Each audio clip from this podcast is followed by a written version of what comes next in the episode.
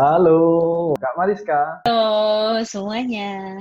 Jadi lagi sibuk-sibuknya. Jadi kemarin baru sibuk sama Om Ananda Sukarlan.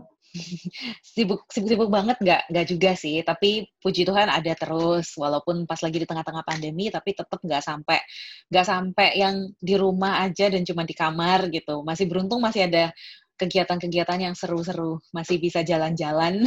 Walaupun jalan-jalannya tetap responsibel juga tetap pakai masker tetap cuci tangan. Uh, ini kan ya sekarang hobi-hobi juga olahraga ya fitness gitu. Ah, sebenarnya gara-gara pandemi sih. Jadi ceritanya gara-gara gara-gara pandemi awal-awal lockdown dua tiga bulan pertama nganggur di rumah aja ini ngapain ya gitu. Terus ternyata gym di dekat rumah karena lagi PSBB dia buka promo dong yang hmm. harganya biasanya berapa jadi murah banget gitu. Terus ya udahlah daripada di rumah ini PSBB jadi tambah gendut, kerjanya cuma makan, tidur, Netflix, YouTube, makan, tidur, Netflix, YouTube, udahlah akhirnya join gym. Eh, keterusan. Nah, Kak Mariska ini sudah sampai di mana-mana. Bahkan sampai ke kelasnya sudah internasional lah, menyanyi. Apa ya bilangnya Kak ya? Nah, ini kalau waktu itu Kak, Kak Mariska sudah pernah menerangkan tentang art, uh, bilang tentang art song dan opera itu beda memang cara membawakannya. Nah, Kak Mariska jelaskan sedikit uh, awalnya. Jadi kan Kak Mariska ini mulai dari suka dari sastra gitu. Sebenarnya kalau yang belum tahu juga Karisma ini sukanya dari sastranya dulu, bukan jadi penyanyi dulu gitu. Nah, jadi yeah. gimana ceritanya itu kak? Hmm, iya, jadi ceritanya uh, sekalian sekalian perkenalan dan ngasih sedikit konteks ya. Jadi aku adalah seorang penyanyi klasik. Penyanyi klasik itu berarti aku dilatih atau belajar uh, trainingnya dulu waktu belajar jadi penyanyi itu dengan teknik-teknik klasik gitu. Jadi lagu-lagu yang dinyanyikan bukan lagu-lagu pop yang seperti kita dengar di radio, tapi memang lagu-lagu klasik. Lagu-lagu klasik itu apa? Sebenarnya lagu klasik itu originalnya datangnya dari Eropa ratusan tahun yang lalu. Jadi sebenarnya kalau dibilang itu budaya milik siapa, mungkin memang originalnya bukan dari negara, bukan dari bangsa kita sendiri. Tapi seiring dengan berjalannya waktu, uh, negara kita ter, negara kita terbentuk dan mulai uh, kesenian-kesenian dari luar negeri itu masuk dan uh, ada influence-nya untuk untuk kita. Jadi mulai mulailah budaya itu terserap terserap dan uh, bangsa kita mulai punya versinya sendiri gitu. Jadi musik-musik Eropa yang kita yang kayak musiknya Mozart, musiknya Beethoven, uh, musik klasik sebagaimana dikenal di Eropa itu kita masuk ke Indonesia dan kita juga punya uh, versi kita sendiri. Nah, kalau di Indonesia musik klasik itu dikenal dengan nama musik seriosa gitu. Uh, jadi yang kalau orang dengar nyanyi nah itu sebenarnya nyanyi klasik seriosa atau seriosa gitu. Nah, itu kita juga versi kita sendiri di Indonesia kita sebut dengan nama tembang puitik gitu. Puitik itu apa? Tembang, lagu, puitik dari puisi dibilang tembang puisi karena memang uh, banyak lagu-lagu klasik Indonesia yang teksnya itu diambil dari sastra atau diambil dari literatur, dari buku-buku atau dari karya-karya puisi yang sudah existing sebelumnya gitu. Di, jadi uh, simpelnya sih kayak musikalisasi puisi ya gitu. Jadi dari dari teks-teks literatur itu digubah sampai jadi sebuah lagu, sebuah tembang puitik. Itu. Nah, itu memang uh, pekerjaan yang cukup unik sih karena sepanjang aku berkarir juga di Indonesia pelakunya nggak terlalu nggak terlalu banyak gitu dan aku sendiri dari musik sih dari kecil memang suka musik, tapi awalnya aku tuh lebih dulu suka baca daripada suka musik gitu. Jadi suka musiknya tuh belakangan, waktu agak besar baru belajar musik. Tapi sebenarnya dari kecil suka baca, dan pada saat aku belajar musik klasik, baru deh nemu koneksinya antara literatur dengan musik dan itu jadi menggabungkan dua hal yang sama-sama kesukaanku gitu. Jadilah sekarang terjun di dunia musik klasik Indonesia sebagai penyanyi seriosa yang membawakan yang khusus membawakan uh, tembang-tembang puitik gitu ceritanya. Oke.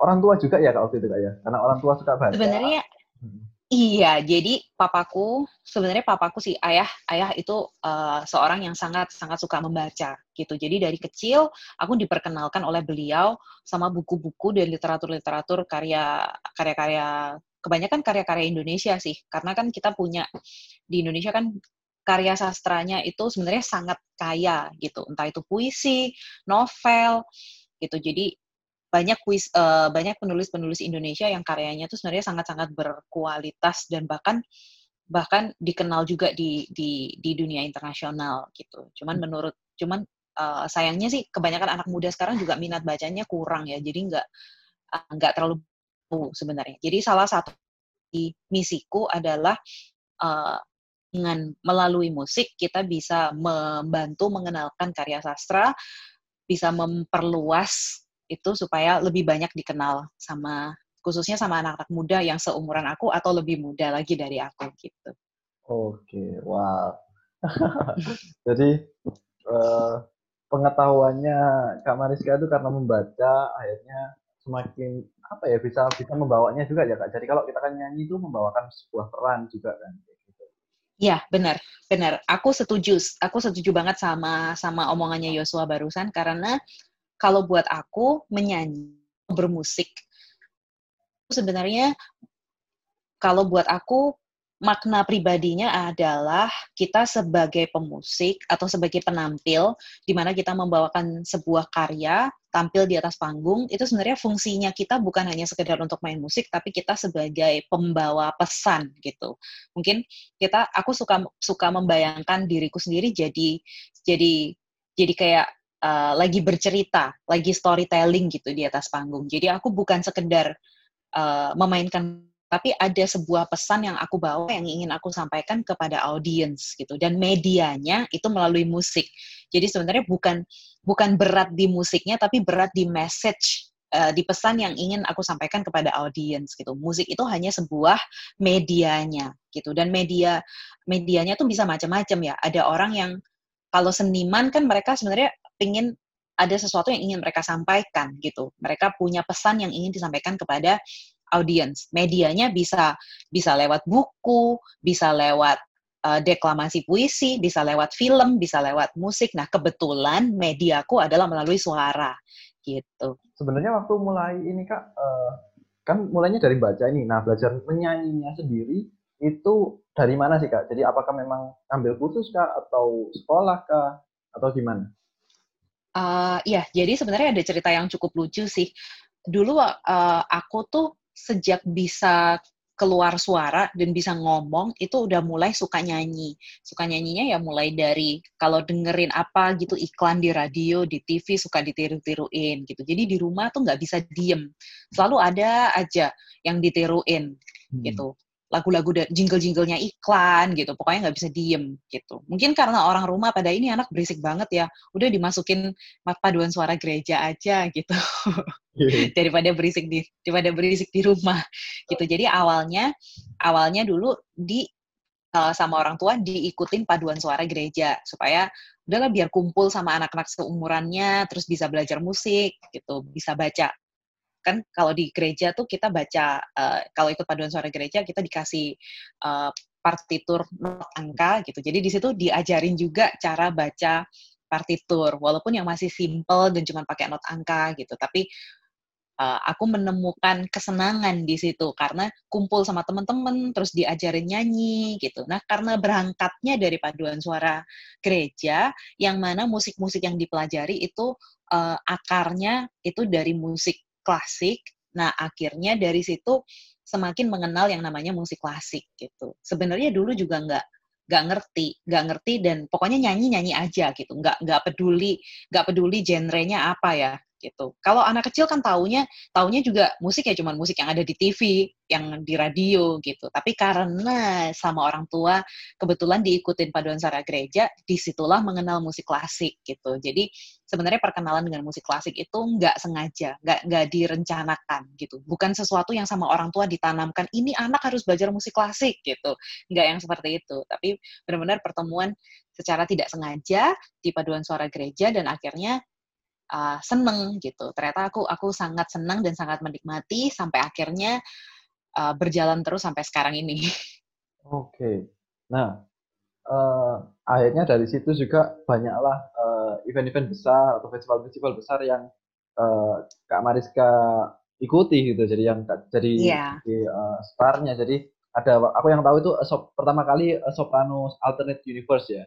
Terus Ubud yes. Fest, terus buat, buat Culture yeah. Forum kayak gitu-gitu. Terus mm -mm. akhirnya kontribusi juga di albumnya Om Ananda Sukarlan kayak gitu. Yeah.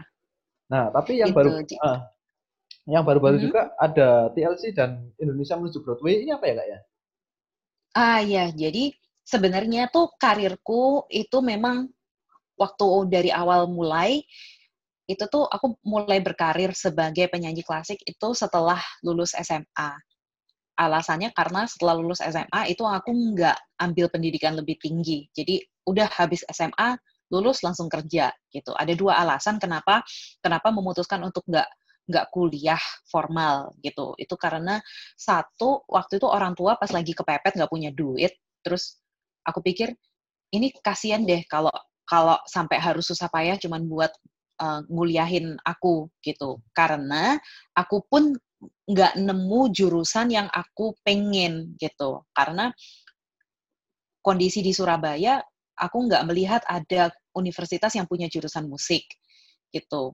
Uh, ada ada sih kayaknya ada sih beberapa universitas tapi kayaknya ke keguruan ya jurusannya untuk jadi yeah. guru gitu. Kalau yang untuk performer pada saat itu informasinya masih minim banget. Jadi aku nggak tahu nggak tidak merasa ada nih jurusan yang bisa mengakomodasi uh, ke ke kesuka kesukaanku gitu. Nggak ada yang bisa mengakomodasi passionku. Jadi kalau misalnya kuliah pasti ambilnya jurusan yang pokoknya sekedar lah sekedar pokoknya kuliah pokoknya punya gelar gitu. Nah jadi dengan dengan dua alasan itu plus uh, dengan alasan itu plus juga orang tua pas lagi nggak ada duit ah nggak usah lah mendingan nggak usah kuliah. Kan dari kecil udah les nyanyi udah udah udah belajar nyanyi udah uh, belajar piano gitu. Jadi aku mau lulus SMA aku mau kerja langsung aja di bidang musik gitu awalnya kerja jadi guru. Aku melamar pekerjaan di beberapa di sekolah musik sebagai guru, tapi waktu itu masih belum jadi performer. Jadi performer ceritanya karena beberapa tahun jadi guru akhirnya memberanikan diri kompetisi gitu dan di kompetisinya Tembang Puitik Mas Anan yang di tahun 2000, 2011 aku jadi salah satu juara lalu akhirnya mulailah terbuka pintu untuk perform. Tapi awal-awal perform itu pun masih sangat pure di musik klasik saja, sama sekali nggak mengenal musik di luar musik klasik gitu. Nah awal uh, lalu kenapa kok karirnya sekarang bisa sampai berkembang sampai ke Indonesia menuju Broadway, sampai ke film, eh film, sampai ke TV gitu. Nah itu sebenarnya juga semuanya kebetulan. Hmm. Jadi kalau di musik klasik itu sebenarnya cabangnya deket sama uh, opera. Yeah. Oh, jadi opera itu opera itu kayak kayak teater teater musikal sih, basically teater musikal, cuman stylenya style yang style yang jadul, yang musiknya sangat klasik, klasik kalau orang Surabaya ngomongnya klasik nyel gitu ya. Hardcore hardcore klasik yang benar-benar klasik banget gitu. Kalau teater musikal seperti yang kita tahu sekarang itu yang lagu-lagunya lebih modern. Nah, salah satu cabangnya kita tahu ya lagu-lagu lagu-lagu Broadway gitu. Broadway musicals gitu. Tapi sebenarnya opera sama teater musikal itu mm, kalau aku bilang sih masih bersaudara gitu ya cuman beda beda style beda style aja tapi konsepnya sama. Jadi sebuah cerita yang dipentaskan dengan musik. Nah jadi dari dari pengalaman main opera mulailah mengenal yang namanya teater musikal yang Broadway musicals gitu yang lagu-lagunya lebih modern gitu. Cerita-ceritanya juga lebih setting-settingnya lebih modern gitu. Nah tahun awal, awal tahun 2019 itu ada awal tahun 2019 2019 itu ada audisi Indonesia menuju Broadway. Nah, itu audisi uh, yang diadakan oleh uh, Galeri Indonesia Kaya yang mengumpulkan penyanyi penya, uh, talent-talent Broadway, talent-talent musikal teater dari seluruh Indonesia. Nggak harus penyanyi. Jadi ada penyanyi, dancer, uh, dan aktor yang dikumpulkan lalu di audisi sampai cuma tinggal 13 orang, lalu uh, yang lolos sampai ke 13 orang itu diberangkatkan ke New York untuk dikasih pelatihan uh, teater musikal langsung di Broadway gitu. Jadi benar-benar intinya belajar dari dari uh, dari tempat asalnya uh, Broadway itu berada gitu. Belajar benar-benar dari sumbernya. Nah, dari situlah aku mulai mengenal dunia acting gitu. Karena kalau kita di teater musikal itu ternyata nggak cukup kita cuman hanya bisa nyanyi doang atau hanya bisa nari doang gitu. Kita harus karena intinya kita lagi storytelling, lagi mementaskan sebuah cerita, jadi kita harus bisa acting gitu. Acting itu kunci yang penting banget gitu. Karena poinnya ada di storytelling. Di situlah mulai mengenal dunia acting, dan dari situ ternyata aku mengikuti audisi itu ternyata aku lolos sampai ke New York gitu. Jadi jadilah aku belajar acting di sana, belajar nyanyi, belajar dance, belajar teater musikal gitu. Dari situ mulai ikut audisi-audisi yang lain sampai akhirnya dapat uh, lolos juga jadi salah satu talent di ini namanya Travel for Love, ya. acaranya TLC, itu tayang di TLC dan di Asian Food Network di situ. Nah, di situ aku salah satu itu sebenarnya sebuah reality show. Jadi travel yang menggabungkan travel dengan culture, dengan makanan dan gitu. Jadi kayak acara jalan-jalan gitu. Aku jadi salah satu salah satu talent di situ terbang terbang ke Malaysia ke ke Kucing lalu di sana seru-seruan seru-seruan ngelihat budayanya di sana, makanannya dengan berkenalan dengan orang-orang lokal gitu dan itu tayang di TLC gitu. Jadi sebenarnya semuanya uh, bukan sesuatu yang aku rencanakan. Pengen jadi aktor gitu, pengen jadi ini enggak sih. Semuanya kayak ngalir aja gitu. Karena aku orangnya suka suka mencoba hal-hal yang baru. Jadi kalau aku rasa ini kayaknya seru nih, udah coba aja gitu. Seru nih, coba aja gitu. Iya iya iya. Nah, tapi nah ini dari mencoba aja mencoba aja akhirnya muncullah dunia baru juga menurutku. Uh, di mana Kak Mariska nggak cuma di klasik aja tapi bahkan bikin musik-musik apa ya dibilangnya ya genrenya pop bisa dibilang sorbet. Sor kalau sorbet itu apa ya? Yos kamu kan main bass tuh di situ. Apa ya? Sebenarnya masih masih pop ya Yos ya? Masih, masih pop, pop kayaknya ya. sorbet ya? Uh, uh, cuman ada ada ada rock rock ala rock rock ala gitu sih. Yeah, rock rock yeah, yeah. seger aja tapi masih masih ngepop sih Jadi kenapa kok ini tiba-tiba bentuk sorbet ini kenapa nih kak? Sorbet itu, nah itu tadi aku kan tadi kan aku sempat bilang nih kalau buat aku berkarya sebagai penyanyi berkarya sebagai penyanyi itu sebenarnya bukan berat di musiknya sih, bukan berat di musiknya, tapi uh, sebenarnya se aku melihat melihat diriku bukan sebagai musisi, uh, tapi lebih sebagai sebuah seorang pencerita gitu ya. Okay. Make sense gak sih? Maksudnya bisa bisa ngerti nggak ya? Yeah, yeah. Aku melihat diriku sebagai seorang storyteller gitu. Jadi atau sebagai pembawa pesan. Jadi aku sebagai seniman, aku punya sesuatu yang ingin ku sampaikan untuk audiensku dan medianya itu bisa berbagai bisa melalui berbagai media gitu. Uh, jadi kalau makanya itu aku suka banget sama tembang puitik adalah karena aku benar-benar merasa aku sedang menyampaikan sebuah pesan gitu dari teksnya gitu. Jadi kalau aku nemu nemu puisi yang aku suka, puisi yang aku bisa ada koneksi dengan puisi itu, bisa merasakan sesuatu yang dalam gitu. Nah, itu akan semakin mudah buat aku ketika menyanyikannya karena aku lagi merasa ini nih pesan yang uh, benar-benar pesan yang ingin ku sampaikan gitu. Nah, itu juga yang terjadi dengan Sorbet di mana di Sorbet itu aku uh, berperan sebagai penyanyi dan penulis lagunya gitu. Karena di situ sekali lagi sebagai seniman aku merasa ada sesuatu dari dalam yang ingin aku sampaikan keluar. Nah, kebetulan di Sorbet keluarnya ya sebagai musik pop gitu.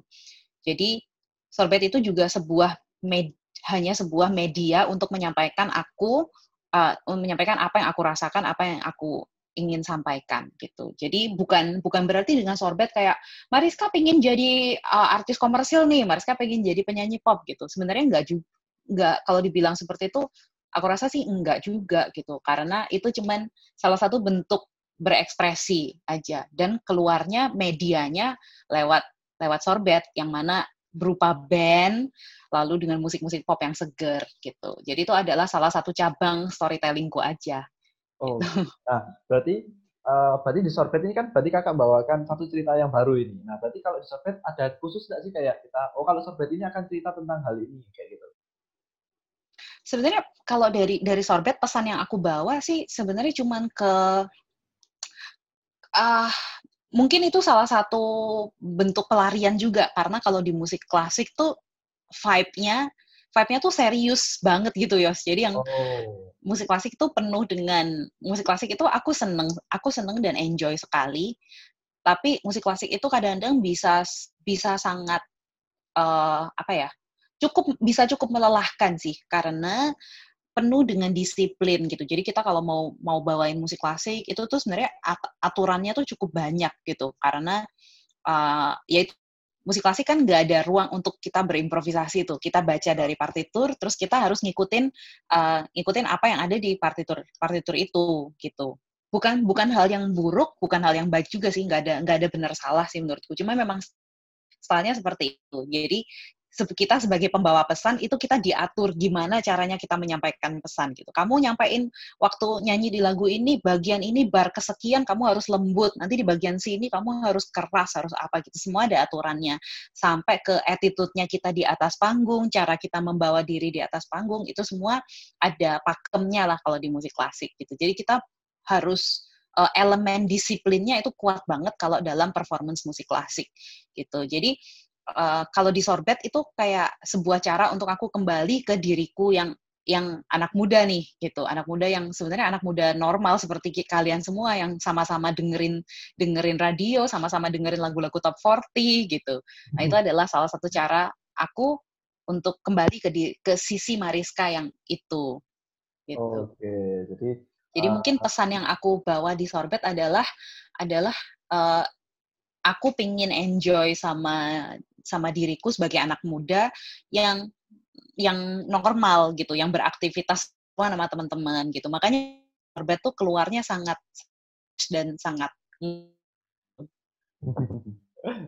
iya ya jadi uh, makanya beda sekali kan kalau waktu bawakan sorbet bisa bisa bisa lepas sekali terserah. Jadi ah. bisa mengekspresikan apa yang kita rasakan sendiri gitu memang karena emang itu sih it, emang itu yang aku rasain ketika aku nulis lagunya Sorbet dan perform Sorbet gitu.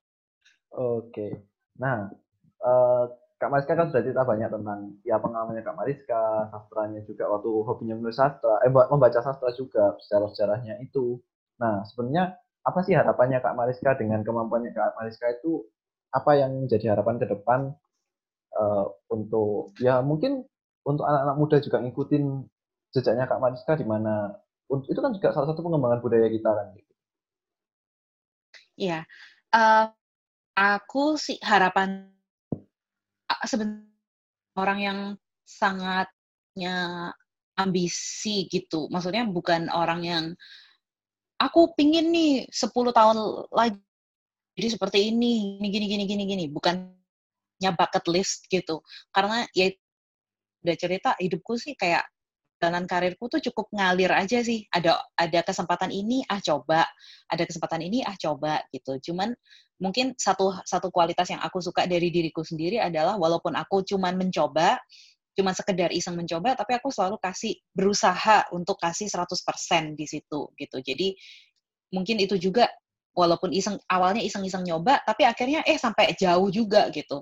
Misalnya kayak coba ah belok kiri bisa ke mana tapi ternyata jauh gitu. Belok kanan ke mana bisa jauh itu itu karena aku sih selalu berusaha untuk kasih 100% di apa yang aku apa pun itu yang aku lakukan. Mau itu sorbet mau itu musik klasik mau itu uh, dunia literatur gitu. Dan aku sebagai seniman ke depannya aku ingin uh, melalui karirku, melalui cara aku bersikap, dan melalui cara aku berkarya dan karya-karya yang aku hasilkan, aku pingin orang yang melihat bisa tahu bahwa it's okay untuk mencoba berbagai macam hal yang berbeda gitu. Misalnya aku musik klasik nggak harus aku nggak harus aku eksklusif cuman udah aku pokoknya musik klasik aja. Aku nggak mau denger musik pop nggak mau terlibat sama musik pop gitu. Atau misalnya aku pop gitu aku udah pokoknya di sini aja gitu. Karena aku sendiri menemukan begitu banyak hal yang berwarna kayak dari musik klasik lalu aku ke musik pop. Pada saat aku kembali ke musik klasik lagi aku merasa aku membawa sesuatu yang baru di situ, sesuatu hal yang aku pelajari di luar dunia itu, aku kemba bawa kembali ke situ dan ternyata hasilnya memperkaya. Jadi dengan nyobain berbagai macam hal itu, aku merasa uh, apa yang aku punya sebagai seniman itu jadi semakin kaya. Jadi mungkin dari caraku berkarya, aku pingin orang yang melihat bisa mendapat pesan bahwa it's okay, try new things, cobalah hal-hal yang baru dan jangan uh, jangan stay di satu tempat selalu selalu moving selalu selalu belajar dari banyak hal dan uh, aku sebagai musisi tadi kan aku bilang musik itu hanya sebuah sarana gitu hanya sebuah media untuk menyampaikan pesan gitu jadi aku ingin ke depannya ketika aku berkarya pesan-pesan yang aku bawa adalah pesan-pesan yang positif gitu itu aja sih Oke. Nah, ada yang kelewatan ini, Kak. Aku baru ingat. Jadi sebenarnya kalau kita yang yeah. baru mulai juga mungkin di, mau ikutin jejaknya Kak Mariska untuk nyanyi klasik, uh, sebenarnya dari mana sih kita bisa mulai gitu? Mau mulai karirnya tuh mulai dari mana sebenarnya? Ah, uh, kalau dari musik klasik ya ini agak sebenarnya agak gampang-gampang susah ya. Uh, susahnya gampang-gampang susah. Aku mulai dulu dari dari susahnya deh. Susahnya tuh musik klasik itu aku bilang butuh disiplin yang tinggi gitu. Karena apalagi kalau penyanyi uh, sebenarnya semua apa pun itu ya apa pun itu kalau kita mau bagus mau sukses kita pasti butuh banget disiplin cuman kalau di musik klasik memang berasa banget karena di elemen performnya pun banyak aturan lah banyak aturan ada ada ada unggah-ungguhnya sendiri gitu kalau di musik klasik kan. Partitur harus ngikut partitur gitu, dinamikanya harus ngikut, nadanya nggak boleh diimprovisasi, nggak boleh dikasih adlib gitu. Terus di atas panggung harus harus pakai bajunya yang seperti ini gitu. Jadi ada aturan-aturan itu kita jadi harus ekstra disiplin dan pada saat latihan tuh juga benar-benar yang latihannya uh, kalau kalau latihannya nggak intens, nggak kerja keras itu nggak bisa jadi musisi klasik yang bagus gitu. Apalagi kalau penyanyi ya, penyanyi-penyanyi klasik itu nyanyi klasik itu sebenarnya sangat physically demanding gitu. Jadi bebannya ke ke badan kita tuh bebannya berat karena nyanyinya nyanyinya tuh benar-benar yang kalau nyanyi tuh sampai sebadan tuh capek gitu. Dan itu memang karena memang teknik klasik itu sangat physically demanding. Makanya harus jaga kesehatan, harus harus tahu gimana caranya merawat badan dan merawat instrumen kita, instrumen vokalnya. Karena kalau rusak nggak bisa beli ya. Kalau bass kan rusak, udahlah ganti senar beli aja. Tapi kalau vokal vokal kalau rusak, kalau kita nyanyi teknik klasik terus tekniknya salah, kita latihannya nggak disiplin, tidurnya nggak dijaga, suka minum alkohol, mabuk-mabukan segala macam itu hal-hal yang potensi bisa ngerusak. Jadi disiplinnya harus tinggi. Itu susahnya di situ. Susahnya di situ. Tapi gam ada gampangnya juga. Gampangnya kenapa? Pelaku musik klasik di Indonesia itu sebenarnya nggak nggak banyak-banyak amat gitu. Kalau dibandingin sama musik musik pop ya, musik populer hmm. itu pelakunya jauh lebih banyak yang berarti saingannya juga makin berat gitu. Kalau di musik klasik karena lebih segmented, jadi kemungkinan kemungkinan kalian dapat pekerjaan di dunia ini tuh cukup besar karena pelakunya nggak banyak gitu. Jadi saingannya nggak terlalu ketat. Bukan berarti harus bukan berarti bisa malas-malesan, tetap harus kerja keras. Tapi kemungkinan dapat pekerjaan itu cukup besar karena segmented, orangnya nggak banyak gitu. Mau mulai dari mana pertanyaannya tadi? Kalau mulai dari mana, yang jelas belajar itu bisa dari mana aja. Kalau dulu aku belajarnya awalnya dari paduan suara gereja, dari paduan suara gereja aku cari guru vokal privat yang bisa bimbing aku sampai aku punya teknik klasik yang solid. Terus setelah itu aku uh, bisa perform itu awal karena aku memang memperbanyak channel. Jadi aku kenal berusaha sering ikut event musik klasik walaupun nggak walaupun nggak harus di event itu nggak harus perform tapi cukup dengan datang terus dengan melihat performan teman-teman yang lain saling kenalan. Nah itu dari situ dari situ bisa jadi kerja gitu bisa jadi project-project. Bisa jadi project-project kecil collab-collab dengan sesama sesama musik klasik gitu. Jadi uh, walaupun akhirnya sih dari situ terus lanjut ke kompetisi terus akhirnya aku bisa uh, establish karir sebagai musik musisi klasik. Tapi it, dari dari situ sih bisa yang karena komunitas musik klasik tuh uh, di seluruh Indonesia sangat sangat raket ya sangat sangat semuanya saling mengenal dan saling support. Jadi uh, intinya harus ngek harus ngeksis sih harus ngeksis. Jangan minder jangan minder dan jangan kurang pergaulan gitu walaupun masih junior, kadang kan kalau junior pasti takut ya, ah takut nih sungkan kalau mau ketemu sama senior, ini udah hebat gitu, mana mau ngobrol sama kita. Enggak, jangan-jangan punya pikiran itu, karena komunitas musik klasik di Indonesia itu sangat, sang, sebenarnya sangat, sangat erat, sangat erat, saling mengenal semuanya, dan pasti mau saling membantu. Karena orangnya cuma sedikit, kalau kita nggak, nggak saling bergandengan, kita nggak akan bisa membuat musik klasik di Indonesia ini eksis gitu.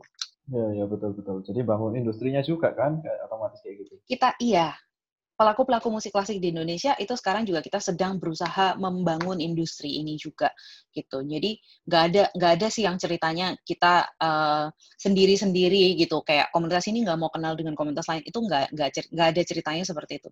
Nah, dari pengalamanku ya, dari pengalamanku tuh kita semua saling mengenal. Aku punya banyak teman-teman musisi klasik di Jakarta, di Bandung, di Bali gitu dan semuanya seneng, justru seneng banget kalau ada anak-anak baru yang mau terjun di dunia musik klasik. Karena kalau kalau nggak kayak gitu punah ini musik ini. Iya ya, jadi tapi mungkin karena karena mungkin persepsinya mereka musik klasik itu membosankan, terus kalau nonton harus diem nah, kayak gitu. Benar sekali, itu dia. Itu sesuatu hal yang pengen aku pengen aku ubah sih sebenarnya. Walaupun uh, pelan-pelan bisa bisa bergeser lah gitu. Musik klasik sekarang udah nggak semengerikan dulu lah. Kalau dulu tuh rasanya benar-benar yang kalau nggak kalau nggak dari kalangan tertentu nggak bisa nonton musik klasik gitu.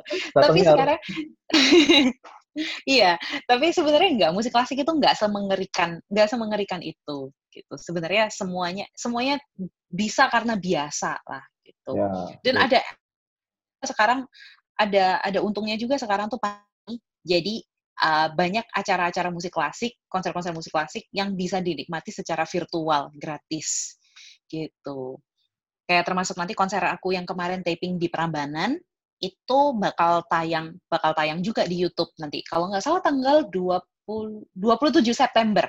27 September di channel YouTube Budaya Saya gitu. Nah, jadi musik klasik itu nggak nggak se nggak semahal dan nggak se nggak seketat itu kok. Sangat sangat sangat bisa dijangkau dan sangat sangat aksesibel untuk semua gitu. Apalagi sekarang dengan era digital semuanya udah di YouTube semuanya apa. Jadi bisa bisa banget gitu. Iya, ya betul betul. Oke, nah jadi uh, thank you nih Kak udah share pengalamannya, bagi tipsnya juga untuk yang kita mau baru mulai, gitu. Jadi ya kita bisa belajar lah dari Kak Mariska apa yang sudah dikerjakan, karya-karyanya juga kita bisa pelajari kayak gitu. Jadi uh, gimana kita yeah. Mau ngejar ilmu sampai ke sana. Gitu. Iya, makasih makasih banget juga udah undang aku jadi narasumber karena dari sini aku juga bisa menyampaikan pesan soal tentang musik klasik ke kalian semua.